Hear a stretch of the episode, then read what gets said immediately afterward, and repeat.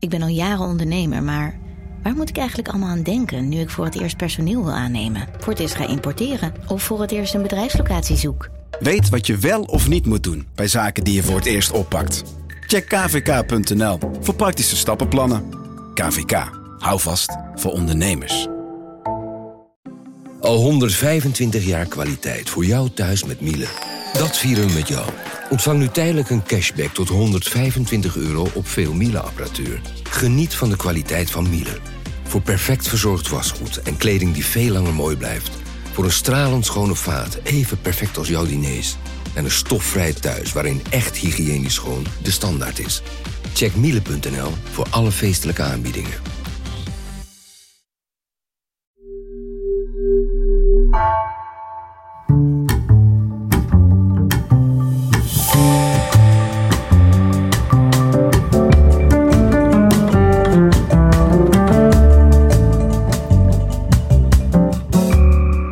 Welkom bij Heine en van Teutem.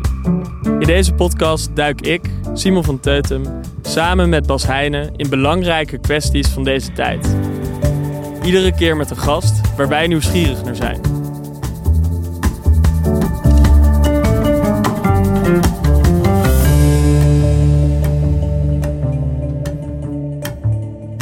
Bas, we gaan het vandaag hebben over, uh, over Rusland. Daar schrijf jij de afgelopen tijd steeds vaker over. En vorige maand publiceerde je echt een scherp en opvallend stuk. Waarin je eigenlijk uiteenzette hoe iedereen in Nederland, of veel mensen in Nederland, jarenlang weg hebben gekeken. Terwijl die agressie vanuit Poetin al heel erg lang groeide. En jij eindigde dat stuk met: dat zegt iets over een land. Wat zegt dat over een land?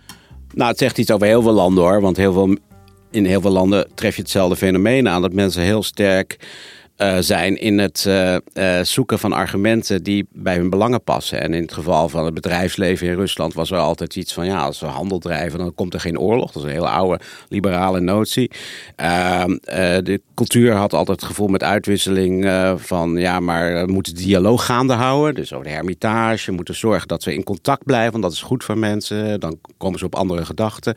Dus er waren eigenlijk altijd goede argumenten te verzinnen. Sport had ze altijd van: we moeten sport en politiek niet mengen, want dan doen we de sporters tekort. Dus iedereen zoekt altijd goed, heel veel goede argumenten om zijn belangen veilig te stellen.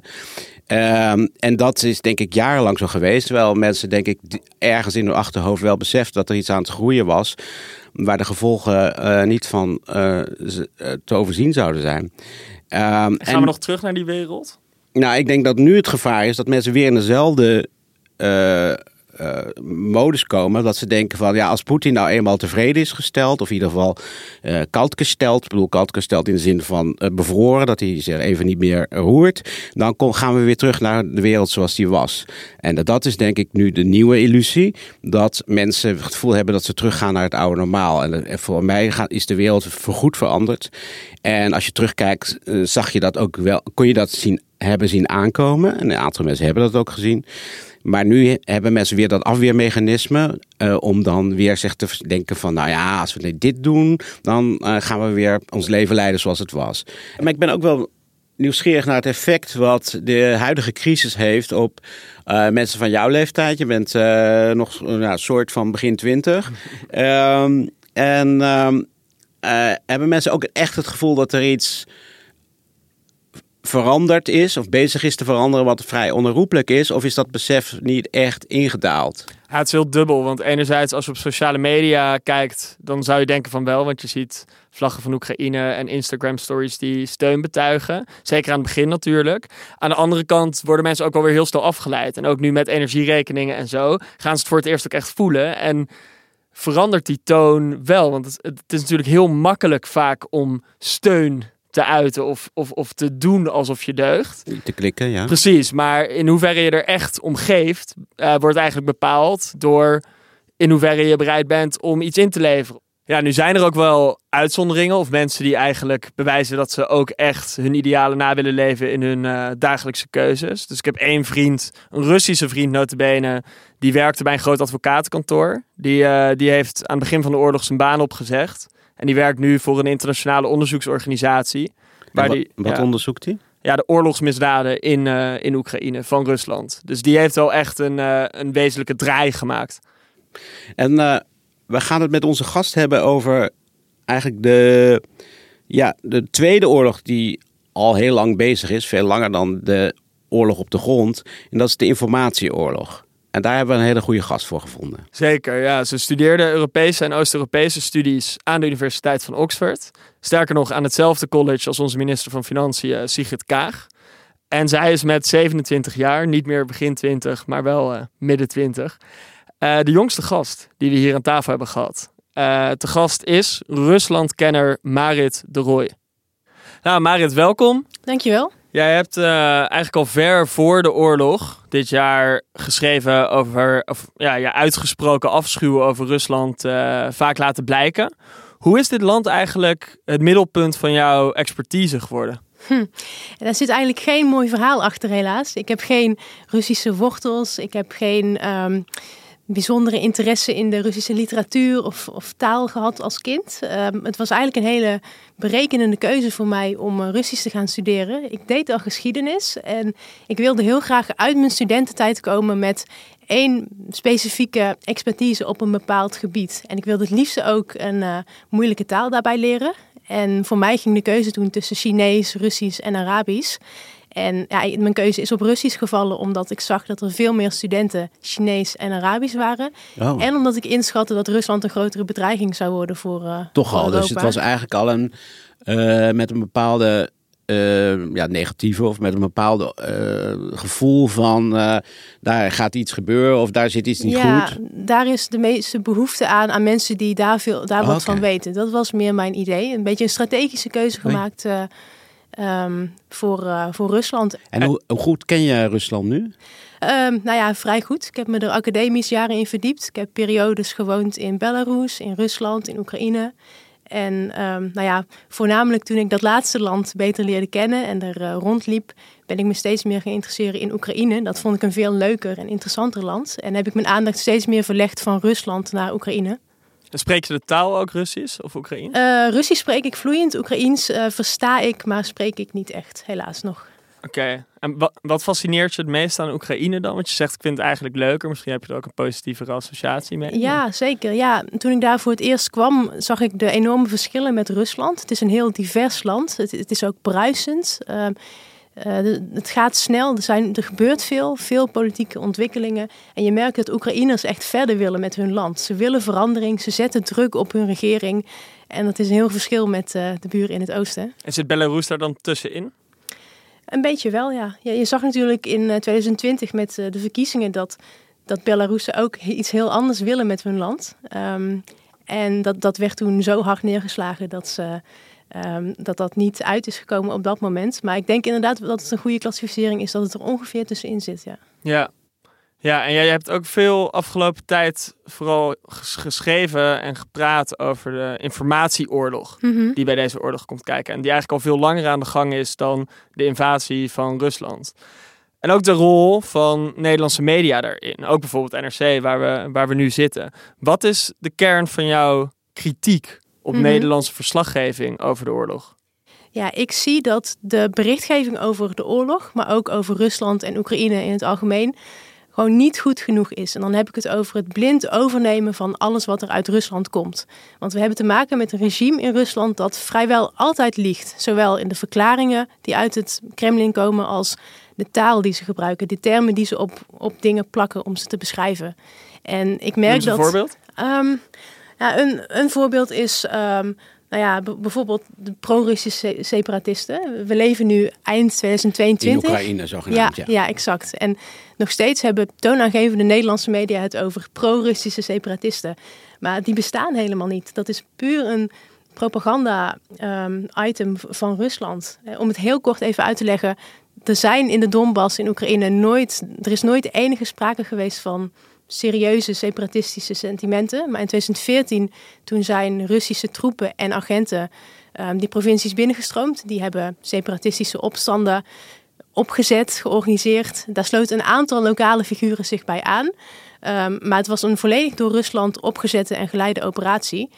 Um, en de Russische media en het Kremlin hebben het natuurlijk wel vanaf dag één separatisten genoemd. En je zag dat onze media dat onnadenkend gewoon hebben overgenomen, die term. Het gaat om gewoon één woordje, of nou twee eigenlijk. Pro-Russische separatisten.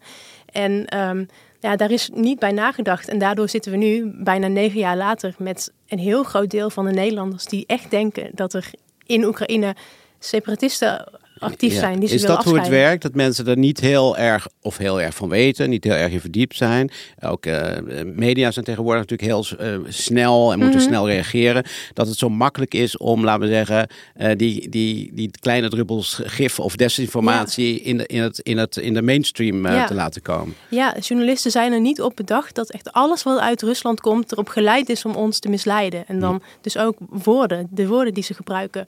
Je moet eigenlijk bij elk woord nadenken, klopt dit wel? Beschrijft dit wel daadwerkelijk wat hier gebeurt? Of is dit woord bedoeld om mensen te misleiden? Kun jij iets eh, meer zeggen over. eh, we hebben het over de informatieoorlog. Het is eigenlijk een, een bijna een oorlog apart, hè, die al Mhm. heel lang wordt gevoerd. Wat daar eigenlijk. eh, en ook geraffineerd, er zijn ook heel veel boeken over geschreven. Ja. Pomerantsev heeft dan natuurlijk al eerder eh, gezegd hoe die, hoe die waarheid eigenlijk een soort totaal kneedbaar is geworden. En wat het doel van die, van die eh, informatieoorlog is en hoe subtiel en hoe geraffineerd het inmiddels is geworden. Want mensen, denk ik, dat die vaak toch dat niet helemaal doorhebben hoe opzettelijk het is. Ja. Ja, het eh, verspreiden van desinformatie, waar ik het dan voornamelijk over heb, dat is slechts één component van die veel grotere eh, informatieoorlog, waar ook bijvoorbeeld hacken bij hoort of ehm, nou ja, traditionele propagandakanalen. Ehm, en ehm, ja, je kunt hem eigenlijk in tweeën hakken, wat het doel is van de informatieoorlog. Eh, ten eerste gebruikt Rusland het tegen Oekraïne, echt als onderdeel ehm, van de oorlog tegen Oekraïne. Ehm, er worden allerlei denkbeelden over Oekraïne verspreid, waardoor Rusland hoopt dat het Westen eh, minder geneigd zal zijn om ehm, nou ja, wapens te, te leveren, sancties te steunen. Zoals corruptie of Ja, fascisme corruptie of- eh, en eh, Of Zelensky die ja, niet deugt. Precies, ja. En het idee dat, eh, dat extreem rechts heel groot is in Oekraïne. Ja, ja. Eh, Zelensky die zelf miljardair zou zijn, zo corrupt als wat. Eh, allerlei ja, dat soort ideeën. Ehm, dus, dus dat is nou ja, de manier waarop ze de informatieoorlog inzetten om Oekraïne te verzwakken. Maar er is nog een andere component die misschien wel groter is. Ehm, en dat is dat ze proberen om verdeeldheid te zaaien in, in onze samenleving. Door extreem rechtse narratieven ehm, te verspreiden, te steunen. Door ehm, onzin over corona, over klimaatverandering te verspreiden. Ehm, gewoon zodat mensen in westerse samenlevingen niet meer weten wat de waarheid is, elkaar gaan wantrouwen, de politiek gaan wantrouwen en nou, minder stabiel worden. En werkt het ook? Eh, ik denk dat we zien dat het best wel goed werkt. Ja. Het is natuurlijk moeilijk te ehm, kwantificeren hoeveel van bijvoorbeeld corona en klimaatontkenners, hoeveel daar van Rus, ja, hoeveel er komt door wat Rusland eh, doet. Ehm, maar er zijn wel rapporten geschreven over, eh, over de effecten van desinformatieverspreiding van Rusland. En dan zie je dat, dat westerse be- beleidsmakers bijvoorbeeld echt ehm, beïnvloed zijn door, door alle verwarring die er gezaaid wordt. Dus er is wel een verband. Ja. Ik vraag me dan ook af, Bas, want eh, je zegt eerder dat Nederlandse media zich daar soms ook bewust of waarschijnlijk onbewust voor lenen, door misschien Mhm. een bepaalde nonchalance. Bas, je loopt natuurlijk al een tijdje rond op krantredacties of in de media. Hoe denk jij eigenlijk dat dat komt? Nou, ik denk, eh, deels is het onnadenkendheid. Dat als, als je iets hoort, ben je toch geneigd, als je er niet heel veel van af weet, om dan dingen over te nemen. En het is heel makkelijk om een frase. Dat heb je natuurlijk ook eh, in andere politiek. hè. Als het voor, bijvoorbeeld, eh, in Amerika ook, er was bijvoorbeeld een, soort belasting die moest betalen over erfenis. En dan werd er gemaakt een death tax, weet je wel. Dus een death tax wordt, is natuurlijk heel, dat, dat is een woord wat heel veel effect heeft. Als je, er tegen, als je tegen die belasting bent, kun je dat erin pompen. Dus dat is inmiddels eh, onderdeel van het politieke discours. Er zijn ook mensen die zijn daar enorm mee bezig. eh, die hebben daar een beroep van gemaakt. Dus het is, het is een heel breed, eh wijdverbreid fenomeen. Dat is denk ik hoe makkelijk je in het hoofd van mensen kunt komen. En dat is nog iets anders. En ik denk, weet niet of je, hoe jij daarover denkt, Marit. Maar is denk ik ook wel dat mensen graag ehm, uh, ervan af willen zijn of uh, het gevoel hebben dat ze, ze wordt een appel op hun gedaan waardoor ze hun hele leven moeten veranderen. Bijvoorbeeld door in de kou te gaan zitten, minder te douchen uh, en misschien nog grotere offers te brengen op den duur. En vervolgens zoek je ook wel onbewust naar excuses om dat, om dat niet te doen. En als je denkt, ja, Zelensky deugt ook niet. Uh, dan, uh, dan, dan denk je, oh, nou dan kan ik ook weer lekker langer douchen, zullen we maar zeggen. Dus je wordt eigenlijk ontheven van je morele plicht door, door die desinformatie. Ik weet niet of, of je daarmee eens bent. Ja, zeker. En daar speelt Rusland ook heel handig uh, op in, door juist die sentimenten te voeden. Ja, ik ben ook wel benieuwd, uh, Marit, want je hebt ook een blog geschreven en gepubliceerd vorige week. Mm -hmm. Um, waarin je eigenlijk de is veel gelezen, hè, geloof ik? Ja, ja, veel meer dan ik dacht. Ja, ja meest gedeelde tweet volgens mij van uh, vorig weekend. Klopt, ja. Maar uh, ja, je had dus niet zoveel verwacht per se, dat het zoveel wrijving op zou leveren. Maar wat was de kern van die blog? Um, nou, de kern was dat, um, dat je alles wat er uit Rusland komt um, niet zomaar moet overnemen. Dat je overal bijna moet denken of het daadwerkelijk klopt. Uh, en dat de manier waarop journalisten hebben geleerd dat, dat ze journalistiek moeten bedrijven, um, dat die niet meer toereikend is voor de huidige tijd, voor de informatieoorlog die Rusland tegen ons voert. Je kunt niet zomaar meer overnemen Um, wat Russische hoogwaardigheidsbekleders zeggen. Ik zie bijvoorbeeld nog steeds wel eens koppen waarin dan groot boven een artikel staat, tussen aanhalingstekens, Oekraïne zit achter en dan een gebeurtenis waar Rusland overduidelijk zelf achter zit. Um, Kun je een voorbeeld geven? Nou ja, een voorbeeld was een aantal maanden geleden toen het uh, krijgsgevangenenkamp met uh, Azov-strijders werd uh, aangevallen. Nou ja, gebombardeerd. Gebombardeerd ja. door waarschijnlijk, hoogstwaarschijnlijk Rusland zelf. Daar, daar wijzen alle tekenen op. En nou ja, waarom zou Oekraïne zelf die, die helden van hen um, aanvallen? Uh, maar Rusland heeft toen natuurlijk meteen gezegd dat Oekraïne erachter zat. En toen stond in al onze media groot boven alle uh, nieuwsartikelen tussen aanhalingstekens, dat Oekraïne het gedaan had. Want dat zei Rusland. En veel mensen lezen natuurlijk ook niet verder dan de kop. Dus ja. als je alleen die kop ziet, dan denk je misschien wel mm -hmm. gewoon, dit is waar. Ja. Zeker als je begrijpend leesvaardigheden wat minder zijn. Dus dan kun je ja. het stuk wel erg zeggen, oh, zeggen Russische functionarissen. Ja, het, het zijn twee dingen. Je hebt en de meerderheid van de mensen die het stuk niet eens lezen. Dus die komen niet toe aan de ontkrachtingen en de nuanceringen. En zelfs als je het stuk wel leest, Um, dan blijkt dat de eerste indruk, het eerste waar je ogen op vielen, dat dat op langere termijn toch hetgene is dat zich in je brein nestelt. Daar hebben ze onderzoek naar gedaan, hebben ze verschillende groepen mensen um, dezelfde artikelen laten lezen, maar dan de ene groep met de juiste kop en de andere groep met een misleidende kop. En daar blijkt dan uit dat de mensen die um, het artikel met de misleidende kop lazen, dat die het veel moeilijker vinden om uh, de juiste conclusies te trekken uit het artikel. Die en eerste indruk is toch bepalend? Ja, precies. Ook. En het blijkt ook uit dat mensen zich van een artikel uiteindelijk alleen de dingen herinneren die aansloten bij de kop.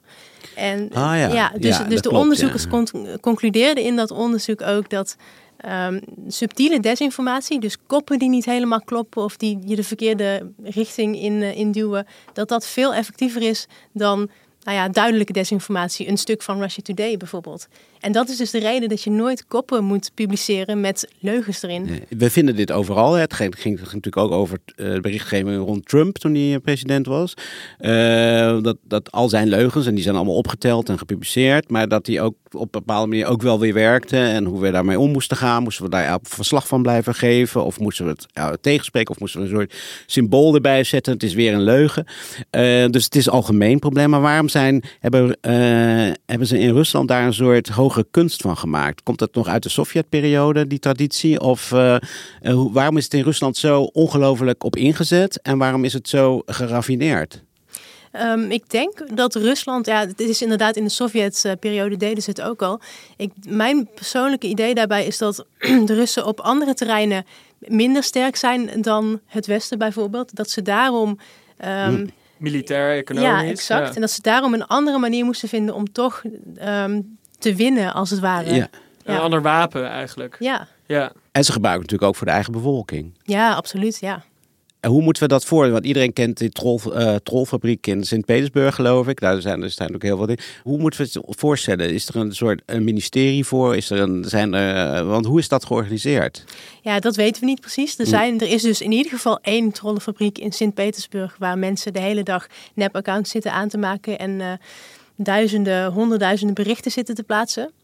Um, Misschien zijn er meer fabrieken van, dat, dat weten we niet. Maar, maar jij merkt het denk ik ook wel bij jouw uh, tweets. Mhm. En dat heb ik zelf ook. En jij misschien ook. Dat daaronder komen vaak, en dan is het altijd uh, Herman. en dan, ja. ik snap nooit waarom die cijfers erbij zitten eigenlijk. Ja, omdat je dan genoeg, dan kun je unieke gebruikersnamen natuurlijk heel makkelijk nieuw blijven oh, maken. Dus dan kan je Herman en dan 1822 en dan Herman 1823. Want als de gebruikersnaam al bestaat, dan kun je natuurlijk niet dat allemaal automatiseren. maar dat is eigenlijk een teken van een troll als iemand heel veel cijfers. Ja, ik denk dat, dat je automatisch accounts kunt aanmaken met uh, als, je, als je dat op die ah, manier doet. Ja. Oké, maar ik vraag, soms is het dan zo heel erg met één lokaal detail over Nederland of zo. Weet je, dan wordt er verwezen naar ja. uh, Dries Roelvink of zo. Weet je, waardoor het lijkt alsof dat heel. Maar het zijn duidelijk trollen. Ja. Maar wat kun je daar nou tegen doen eigenlijk? Want voor sociale media zijn natuurlijk ook niet zomaar te reguleren. Zou jij zeggen, zijn ook mensen die pleiten voor, oh, je moet gewoon een soort van identiteitsscan doen voordat je op mhm. Facebook of Twitter mag maar dan zeggen andere mensen weer, ja, uh, dat is weer negatief voor klokkenluiders en die hebben we ook nodig. Hoe kijk jij naar die discussie? Ja, nee, dat vind ik inderdaad niet zo'n goed idee. Omdat je dan ook bijvoorbeeld de mensen in Rusland zelf die uh, tegen het regime zijn, die kunnen dan niet meer zich op Twitter uiten. Nu kan dat nog met een anoniem account. Uh, dan kunnen ze dat, die, die geluiden niet met elkaar delen en zich organiseren. Dus ik zou daar tegen zijn. Maar het blijft inderdaad een heel moeilijk vraagstuk. Ja, ja, vooral omdat je plek als Twitter kun je al snel met duizend mensen kun je iets heel relevant laten lijken. Want als je mhm. ergens duizend retweets of likes of zo ziet, dan denken mensen, oh, hier wordt veel op geklikt. Ja, uh, ja ik, ik denk gewoon meer ehm, modereren. Uh, veel meer geld moeten sociale media stoppen in modereren. Daar moet je ze toe dwingen. En ja, accounts die duidelijk nep zijn of die leugens verspreiden, die moeten gewoon geblokkeerd worden. Ja, maar Bas en ik hadden het er net al even over van wie zijn dan die moderators of van wie moeten we dat dan verwachten? En nou, Elon Musk dreigt uh, Twitter te kopen en die heeft zich afgelopen week uitgesproken voor wat hij noemt een, en nu doe ik het zelf ook, die kop uh, noemen, een vredesoplossing. Maar wat natuurlijk eigenlijk gewoon uh, de, de wensen van, van de Kremlin zijn. Mhm. ja. ja. Uh, hoe, kijk, hoe keek jij daarnaar, naar die uh, uiting van hem? Nou ja, daarin zag je hoe effectief de desinformatiemachine van het Kremlin is. Dat zelfs iemand als Elon Musk daardoor beïnvloed is. Want ik weet niet meer exact wat hij zei, maar... Uh... Nou, waren eigenlijk alle talking points van de Kremlin. Mhm. Om de derde wereldoorlog te vermijden moest de Krim Russisch blijven. Een aantal delen worden opgegeven. Nieuwe referenda worden georganiseerd. onder leiding van de Verenigde Naties. En dan moest die uitkomst uh, geldig zijn. En ook nog wel rare punten, zo watertoevoer naar de Krim moest worden veiliggesteld. En, en daardoor zeiden heel veel mensen, ja, dat is, hoe kan Elon Musk daar zich daar nou druk over maken? Dat is echt vanuit het Kremlin ja. gestuurd. En of het direct gestuurd is, want er, zijn, er wordt nu gezegd dat hij met Poetin gesproken heeft. Ehm, maar dat, dat weet je niet. Maar het kan ook zijn dat het helemaal dat het gewoon in zijn eigen hoofd terechtgekomen mm is via andere kanalen, toch? Ja, en, en daaraan merk je dus hoe geavanceerd het is. Want voor mensen zoals bijvoorbeeld Elon Musk, maar ook heel veel anderen, klinken de dingen die Rusland zegt best wel redelijk. Ja. Ja, dat is een goed punt, denk ik. Dat, dat... Omdat ze gewoon niet die kennis hebben om ze op waarde te schatten. Ja, en, en jij bent dan vrij fel op, op Twitter, eh, merk ik. Uh, wat zijn de reacties die je zo krijgt? Um, de reacties die ik krijg wanneer ik bijvoorbeeld kritiek heb op uh, hoe de journalistiek over Rusland uh, bericht, zijn meestal in de trant van: ja, maar zo belangrijk is dat toch niet? En waar zeur je toch over? En ga je toch richten op dingen die relevant zijn voor de oorlog? Um, waaruit ik ook dan weer merk dat mensen gewoon echt niet zo goed doorhebben hoe belangrijk het is dat um, de media Rusland niet een handje helpen in de informatieoorlog. Want maar... wat staat er precies, wat staat er concreet op het spel wanneer ze dat wel doen? Wat voor implicaties kan dat hebben voor hoe we in Nederland daarmee omgaan? Um, of in het Westen in mm zijn geheel? Ja, destabilisatie van onze samenleving. Um, ook een gevaar voor de democratie, denk ik. Want Rusland um, steunt partijen die antidemocratisch zijn, die hele extreme ideeën hebben. Ja. ja, en het heeft natuurlijk gevolgen voor de oorlog zelf als wij in Nederland op een hele negatieve manier over Oekraïne gaan denken. Ja, en we concludeerden dus al dat sociale media best wel lastig te modereren zijn of daar iets, iets mee te doen is. Maar als je het over die traditionele media hebt, waar een groot deel van jouw kritiek zich toch ook uh, op richt. Als jij chef buitenland was van uh, NRC, bij wijze van spreken, waar zou je dan prioriteiten leggen? Wat zou je dan anders proberen te doen? Um, ik zou denk ik drie dingen mee beginnen om anders te doen koppen die moeten kloppen. Dus geen leugens in de koppen van artikelen zetten. En als Ook je dan... niet tussen aanhalingstekens. Nee, nee, en ook niet Rusland, dubbele punt en dan een leugen van Rusland. En als je dan toch in de naam van de journalistiek eh, wil brengen wat Rusland zegt, omdat dat wel een bepaalde informatiewaarde heeft, dan kun je dat ergens in de laatste alinea's van een artikel over die gebeurtenis zetten, maar niet in de kop in ieder geval. Ehm, want de meeste mensen lezen artikelen niet. En als ze het lezen, dan worden ze er toch door beïnvloed. En dat als eerste. Ehm, als tweede, niet overschrijven wat Rusland zegt. Ehm, niet dingen die niet gelijk zijn aan elkaar, wel aan elkaar gelijkstellen, omdat je altijd beide kanten van een verhaal wil laten zien. En ten derde, misschien wel de meest belangrijke, altijd blijven nadenken over alles wat er uit het Kremlin komt, maar ook uit andere landen natuurlijk. En over elk woord dat je misschien wil overnemen, goed nadenken van klopt dit woord wel, beschrijft dit woord daadwerkelijk wat hier aan de hand is. Maar dat vereist eigenlijk een heel andere, bijna expertise of een heel andere Ja. manier van omgaan met nieuws. Hè? ja, ja, bedoel, absoluut. natuurlijk is al iedereen zeggen, ja, moet kijken, in de kop moet de, de vlag moet de lading dekken. Bedoel, daar is denk ik iedereen in principe het over eens. Maar dat dubbele bewustzijn wat je moet hebben over die, eh, eh, dat, dat, hoe makkelijk, laten we zeggen, woorden eh, eh, je gedachten kunnen laten kanten, hoe, hoe belangrijk dat is. Ehm, dat is denk ik nog niet zo heel sterk ontwikkeld. Nee. Eh, nee, dat klopt. en zie je tekenen van dat dat begint te veranderen? Ja, als ik kijk over de periode van februari tot nu, dan zie ik wel echt dat er de afgelopen maanden ehm, minder extreme koppen en extreme arti- artikelen worden geschreven dan eh, in de eerste maanden van de oorlog. Maar nog steeds zie ik regelmatig dingen voorbij komen waarvan ik denk, dit is gewoon het verspreiden van leugens. Maar je bent ook heel streng, hè? want ik, ik merk het bij mezelf op een gegeven moment. Ik schrijf gewoon Kiev, maar dat mag niet van jou. Nee, dat En kun je nu echt is niet er- meer schrijven, Bas. Nee, wat is er mis mee? Want Nou- dat is denk ik een voorbeeld van mijn eh onnadenkendheid. Eh, waarom schrijf je Kiev? Omdat ik dat altijd zo geleerd heb. Ja, omdat je vanuit de Russische lens naar Oekraïne kijkt. Nou, geen enkele lens, maar dit is Nou, gewoon... jawel. Ja, uiteindelijk kan je dat zeggen. Maar volgens mij eh, 30 jaar geleden ook Kiev, of niet? Ja, maar nu is Oekraïne een onafhankelijk land en vraagt de Oekraïense overheid expliciet aan andere landen: noem onze steden bij hun officiële Oekraïense naam. En nou ja, journalisten die zeggen dan vaak van ja, maar wij willen neutraal zijn, dus wij gaan daar niet in mee. Maar in taal bestaan er geen neutrale keuzes. Maar Dus- is dat dan ook een Maar beetje... het kan ook zijn dat je dat gewoon niet hebt meegekregen, zoals in mijn geval. Hè, Mhm. Ik bedoel, dat is dan onnadenkendheid of wat je wil. Ja. Maar dat vereist ook wel heel veel eh, werk. Mijn overgrootvader komt uit eh, eh, wat Lemberg heette toen. Eh, dus ik bedoel, ja, die namen zijn ook heel vaak veranderd. Dus ik kan me ook wel voor, voor dat die onnadenkendheid is ook makkelijk eh, te exploiteren, omdat mensen, ja, je hebt maar zoveel tijd. Om, waarom zou je zoveel ermee bezig moeten houden, natuurlijk? Snap je wat ik bedoel? Dus Uh-huh. het is ook wel een opdracht Ja. die je geeft. ja, maar Ah, is het zoveel gevraagd van journalisten om expertise te hebben en zich te verdiepen in het onderwerp waar ze over schrijven? Mhm. Wat ik ook wel hoor terugkomen, Marit, is...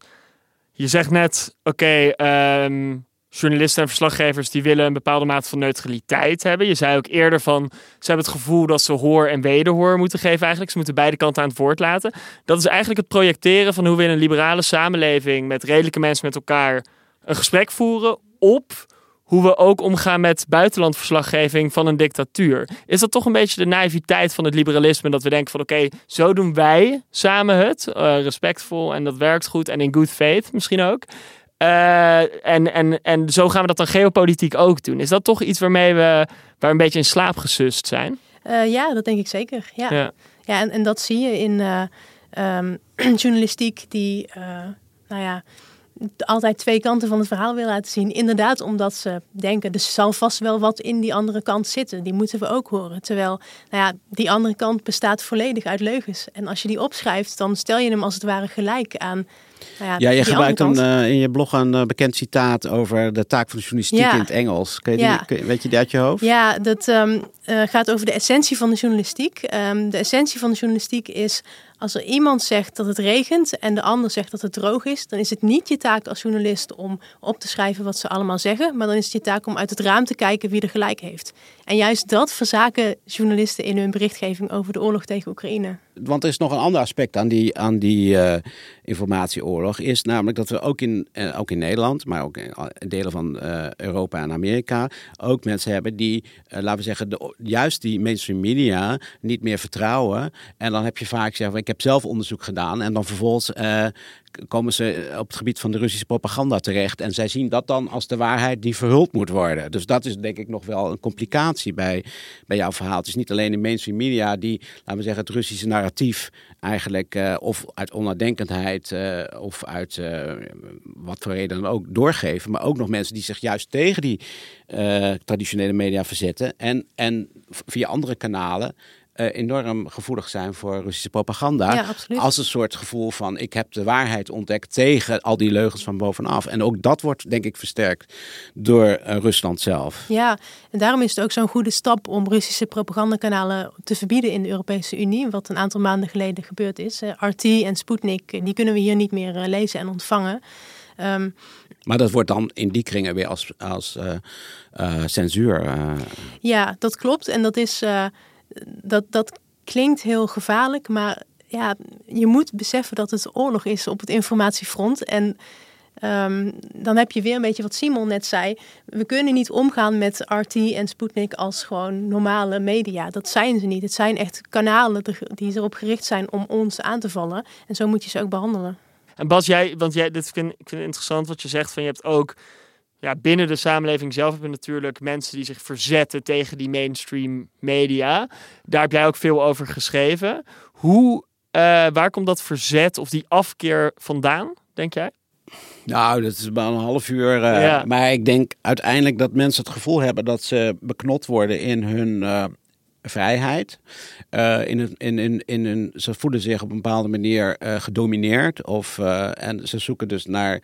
En dat narratief wordt natuurlijk ook heel sterk door bijvoorbeeld Poetin zelf. Maar ik denk door heel veel Russische kanalen ook versterkt. Want je ziet, als je naar een speech van Poetin kijkt, dan keert hij zich en tegen de woke-terreur, zullen we maar zeggen. Dus gender discussies en dit en dat. Het Westen is helemaal ja, gedeconstrueerd en slap en decadent geworden. Maar keert zich ook tegen het, uh, het westerse imperialisme. Dus eigenlijk meer voor de linkse markt, zullen maar zeggen. En dan krijg je ook die talking points uh, die je dan soms op sociale media ziet van...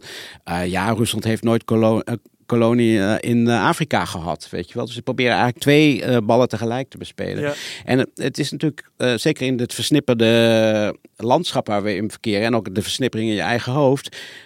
blijf je hangen bij hetgene wat je het meest bevestigt natuurlijk. En daar is natuurlijk heel veel over gezegd.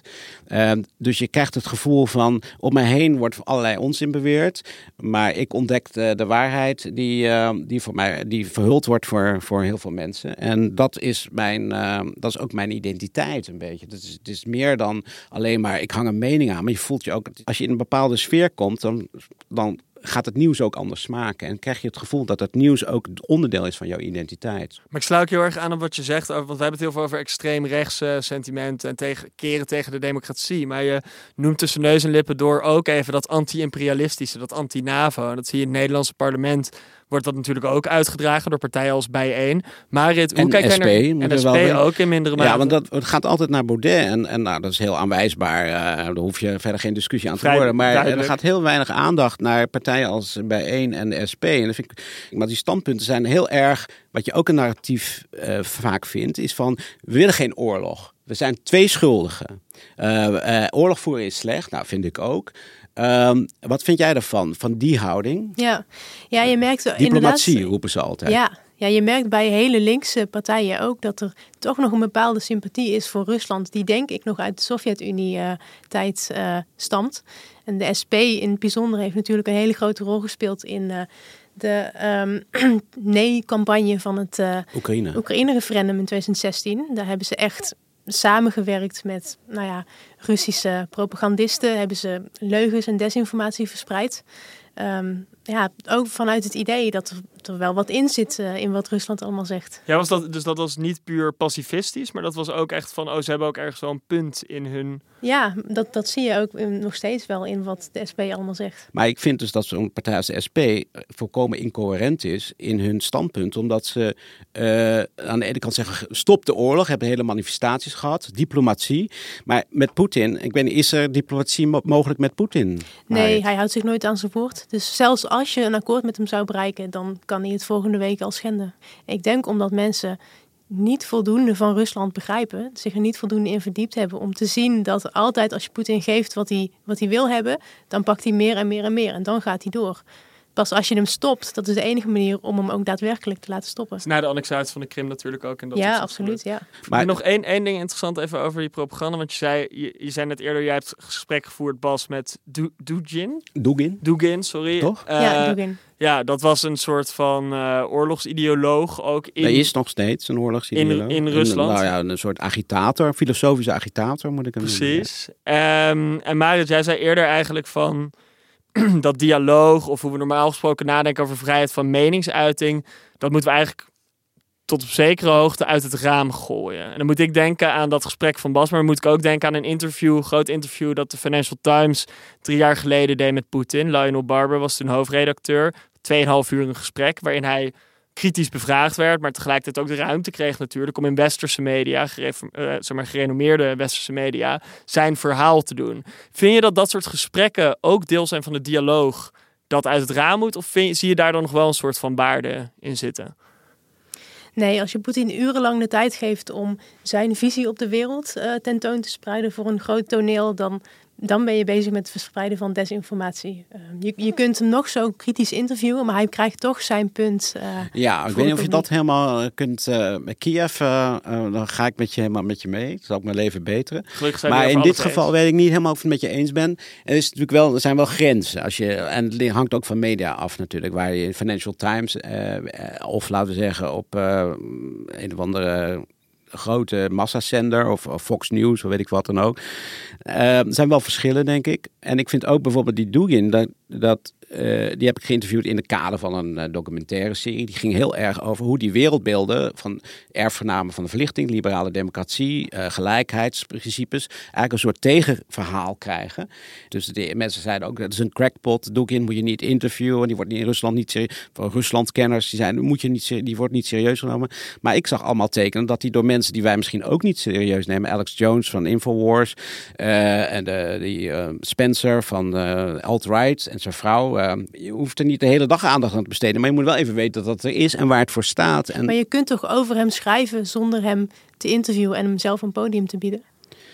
Eh, ja, maar ik, hij dacht eerst geloof ik dat ik een soort medestander was in Loekin in dit geval. En toen zei ik, maar, wat you describe is een hysterical fantasy. En toen zag ik echt die ogen zo eventjes, hij gaf geen krimp, maar ik zag wel denken, van, ik zit hier tegenover de vijand.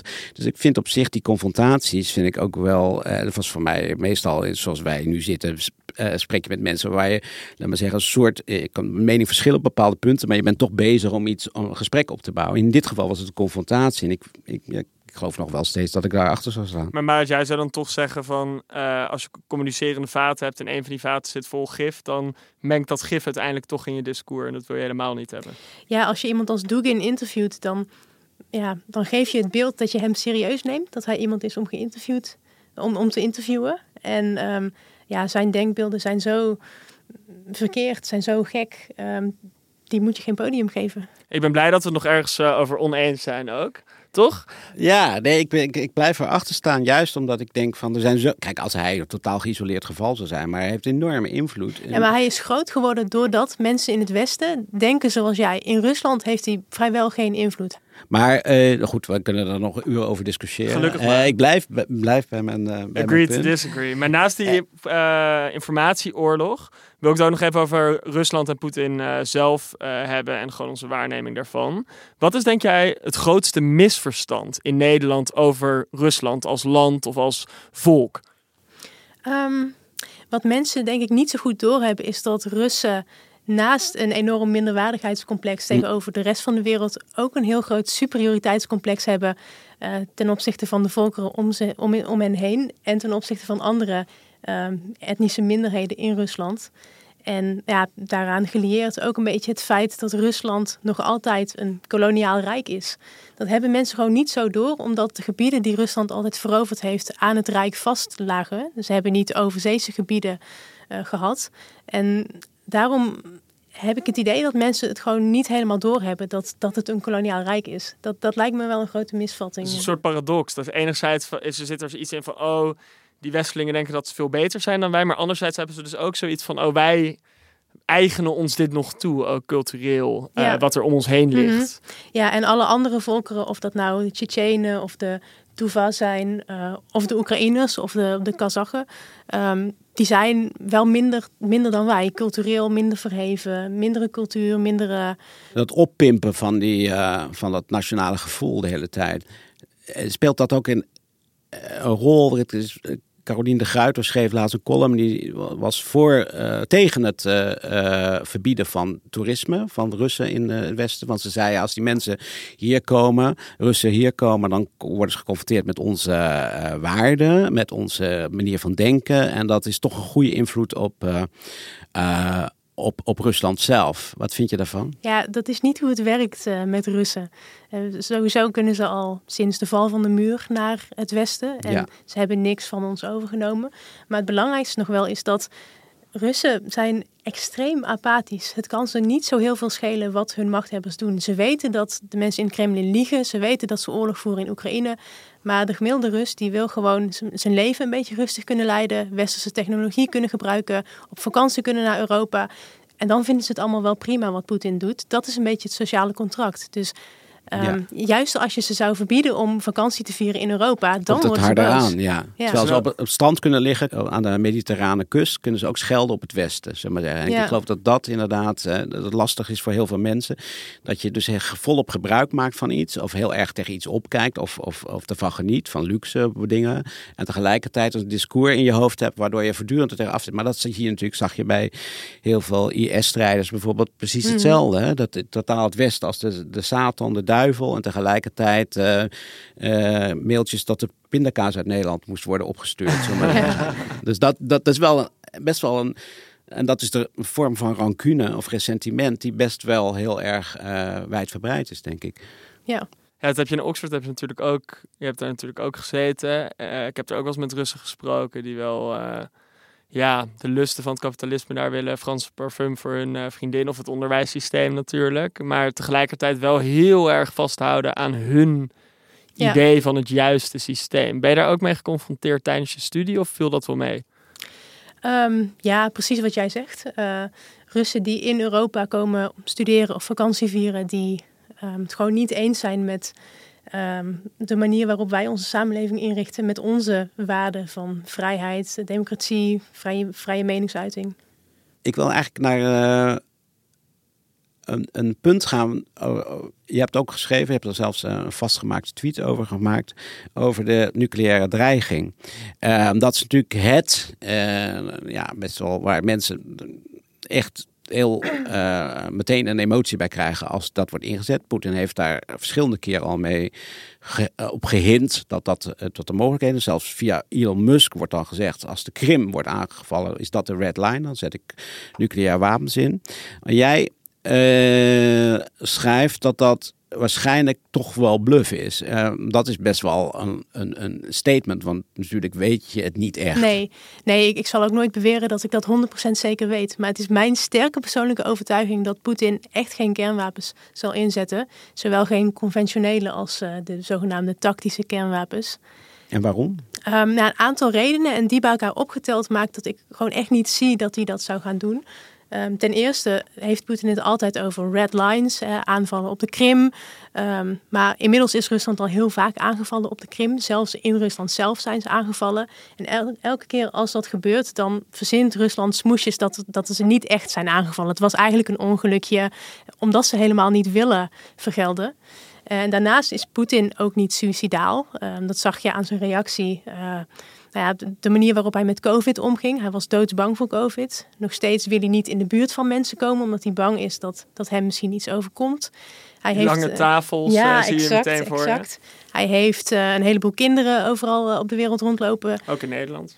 Ja, waarschijnlijk. Ja, niet meer. Die is, okay. die is alweer terug naar Rusland. Ja. hij heeft dat dure paleis. dus nou, de man is niet suicidaal. Hij hangt aan het leven. Ja. maar het belangrijkste denk ik is dat voor Poetin de geschiedenis alles is. Hij zit altijd met zijn hoofd in de geschiedenis, is bezig met wat welke tsaar voor Rusland heeft gedaan. En als er één ding is wat hij niet wil, dan is het de geschiedenisboekjes ingaan als de vernietiger van Rusland. Mm. En hij weet dat op het moment dat hij een kernwapen inzet, dan zijn volgens de Verenigde Staten de gevolgen voor Rusland catastrofaal. En daarom denk ik dat zelfs op het moment dat hij als een kat in het nauw met zijn rug tegen de muur staat, dat hij nog steeds niet op die zogenaamde knop zal drukken. Omdat voor hem de geschiedenis het allerbelangrijkste is. En zelfs als hij persoonlijk niets meer heeft ehm, om aan te hangen, heeft hij nog steeds die geschiedenis waar hij in kan gaan als iemand die. Ervoor gevochten heeft zonder het te vernietigen. Ja. Plus dat hij natuurlijk, eh, omdat hij toch wel de methodes van een maffiabaas heeft. Het is een troef waar je, juist als je hem niet uitspeelt, maar voortdurend Ja. meest zwaait, het meeste effect mee. Ja. En ik denk dat het bij heel veel mensen ook zo werkt. Ja, nou, maar tot slot eh, ben ik ook wel benieuwd. Het is natuurlijk heel moeilijk om bij internationale betrekkingen en zeker bij oorlogen vooruit te kijken of voorspellingen te doen. Maar ik ben toch wel benieuwd naar welke richting denk jij dat dit conflict zich op dit moment naar ontwikkelt de komende maanden? Ja, ik denk dat Oekraïne gestaag doorgaat met het eh, bevrijden van eh, bezette gebieden. En ja, ik denk nog steeds dat Oekraïne de oorlog gaat winnen. Wat inhoudt dat ze ook de Krim en Donetsk en Luhansk bevrijden. Ehm, ik denk alleen niet dat dat per se zulke dramatische gevolgen voor Poetin zou moeten hebben in zijn eigen land. Dat hoor je dan heel vaak, dat, dat, dat hij dan afgezet zou van- worden, ja. dat het het einde van Poetin is. Die zie ik niet per se zo. Ik ehm, zie het best voor me dat hij, dat, dat hij het volledig verliezen van deze oorlog op zo'n manier kan spinnen dat het hele Westen samen is gespannen tegen Rusland. Ehm, dat, eh, maar dat ze nu nou ja, weer sterker gaan worden en dat ze terug zullen komen, et cetera. Of een, hij- een dolksteek in de rug. eh, binnenlandse eh, krachten die daar verantwoordelijk voor zijn. Ja. Zijn al, Mhm. Je denkt dat hij dat ook wel weer op een bepaalde manier kan spinnen. Ik denk dat hij prima over een paar jaar nog in het Kremlin zou kunnen zitten, terwijl hij deze oorlog verloren heeft. Eh, we gaan het zien en we gaan het ook allemaal zien. eh, want ik denk dat er voor niemand eh, ont, enige ontkomen aan is om, eh, om hierbij betrokken te zijn. Hopelijk met zo goed mogelijke verslaggeving eh, ook. Dankjewel Marit. Dankjewel. Dank jullie wel.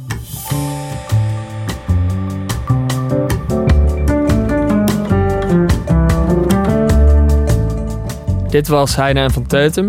Producer van deze aflevering is Inge Ter Schuren. Montage en tune werden gedaan door Jeroen Jaspers en Bas van Win. Luister alle afleveringen van Heine en van Teutem in de NRC Audio app.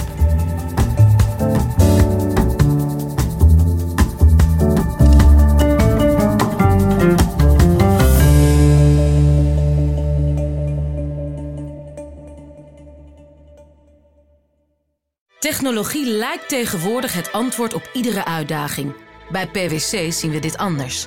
Als we de potentie van technologie willen benutten, kunnen we niet zonder een menselijk perspectief. Human-led, tech-powered noemen we dat. Ga naar pwc.nl.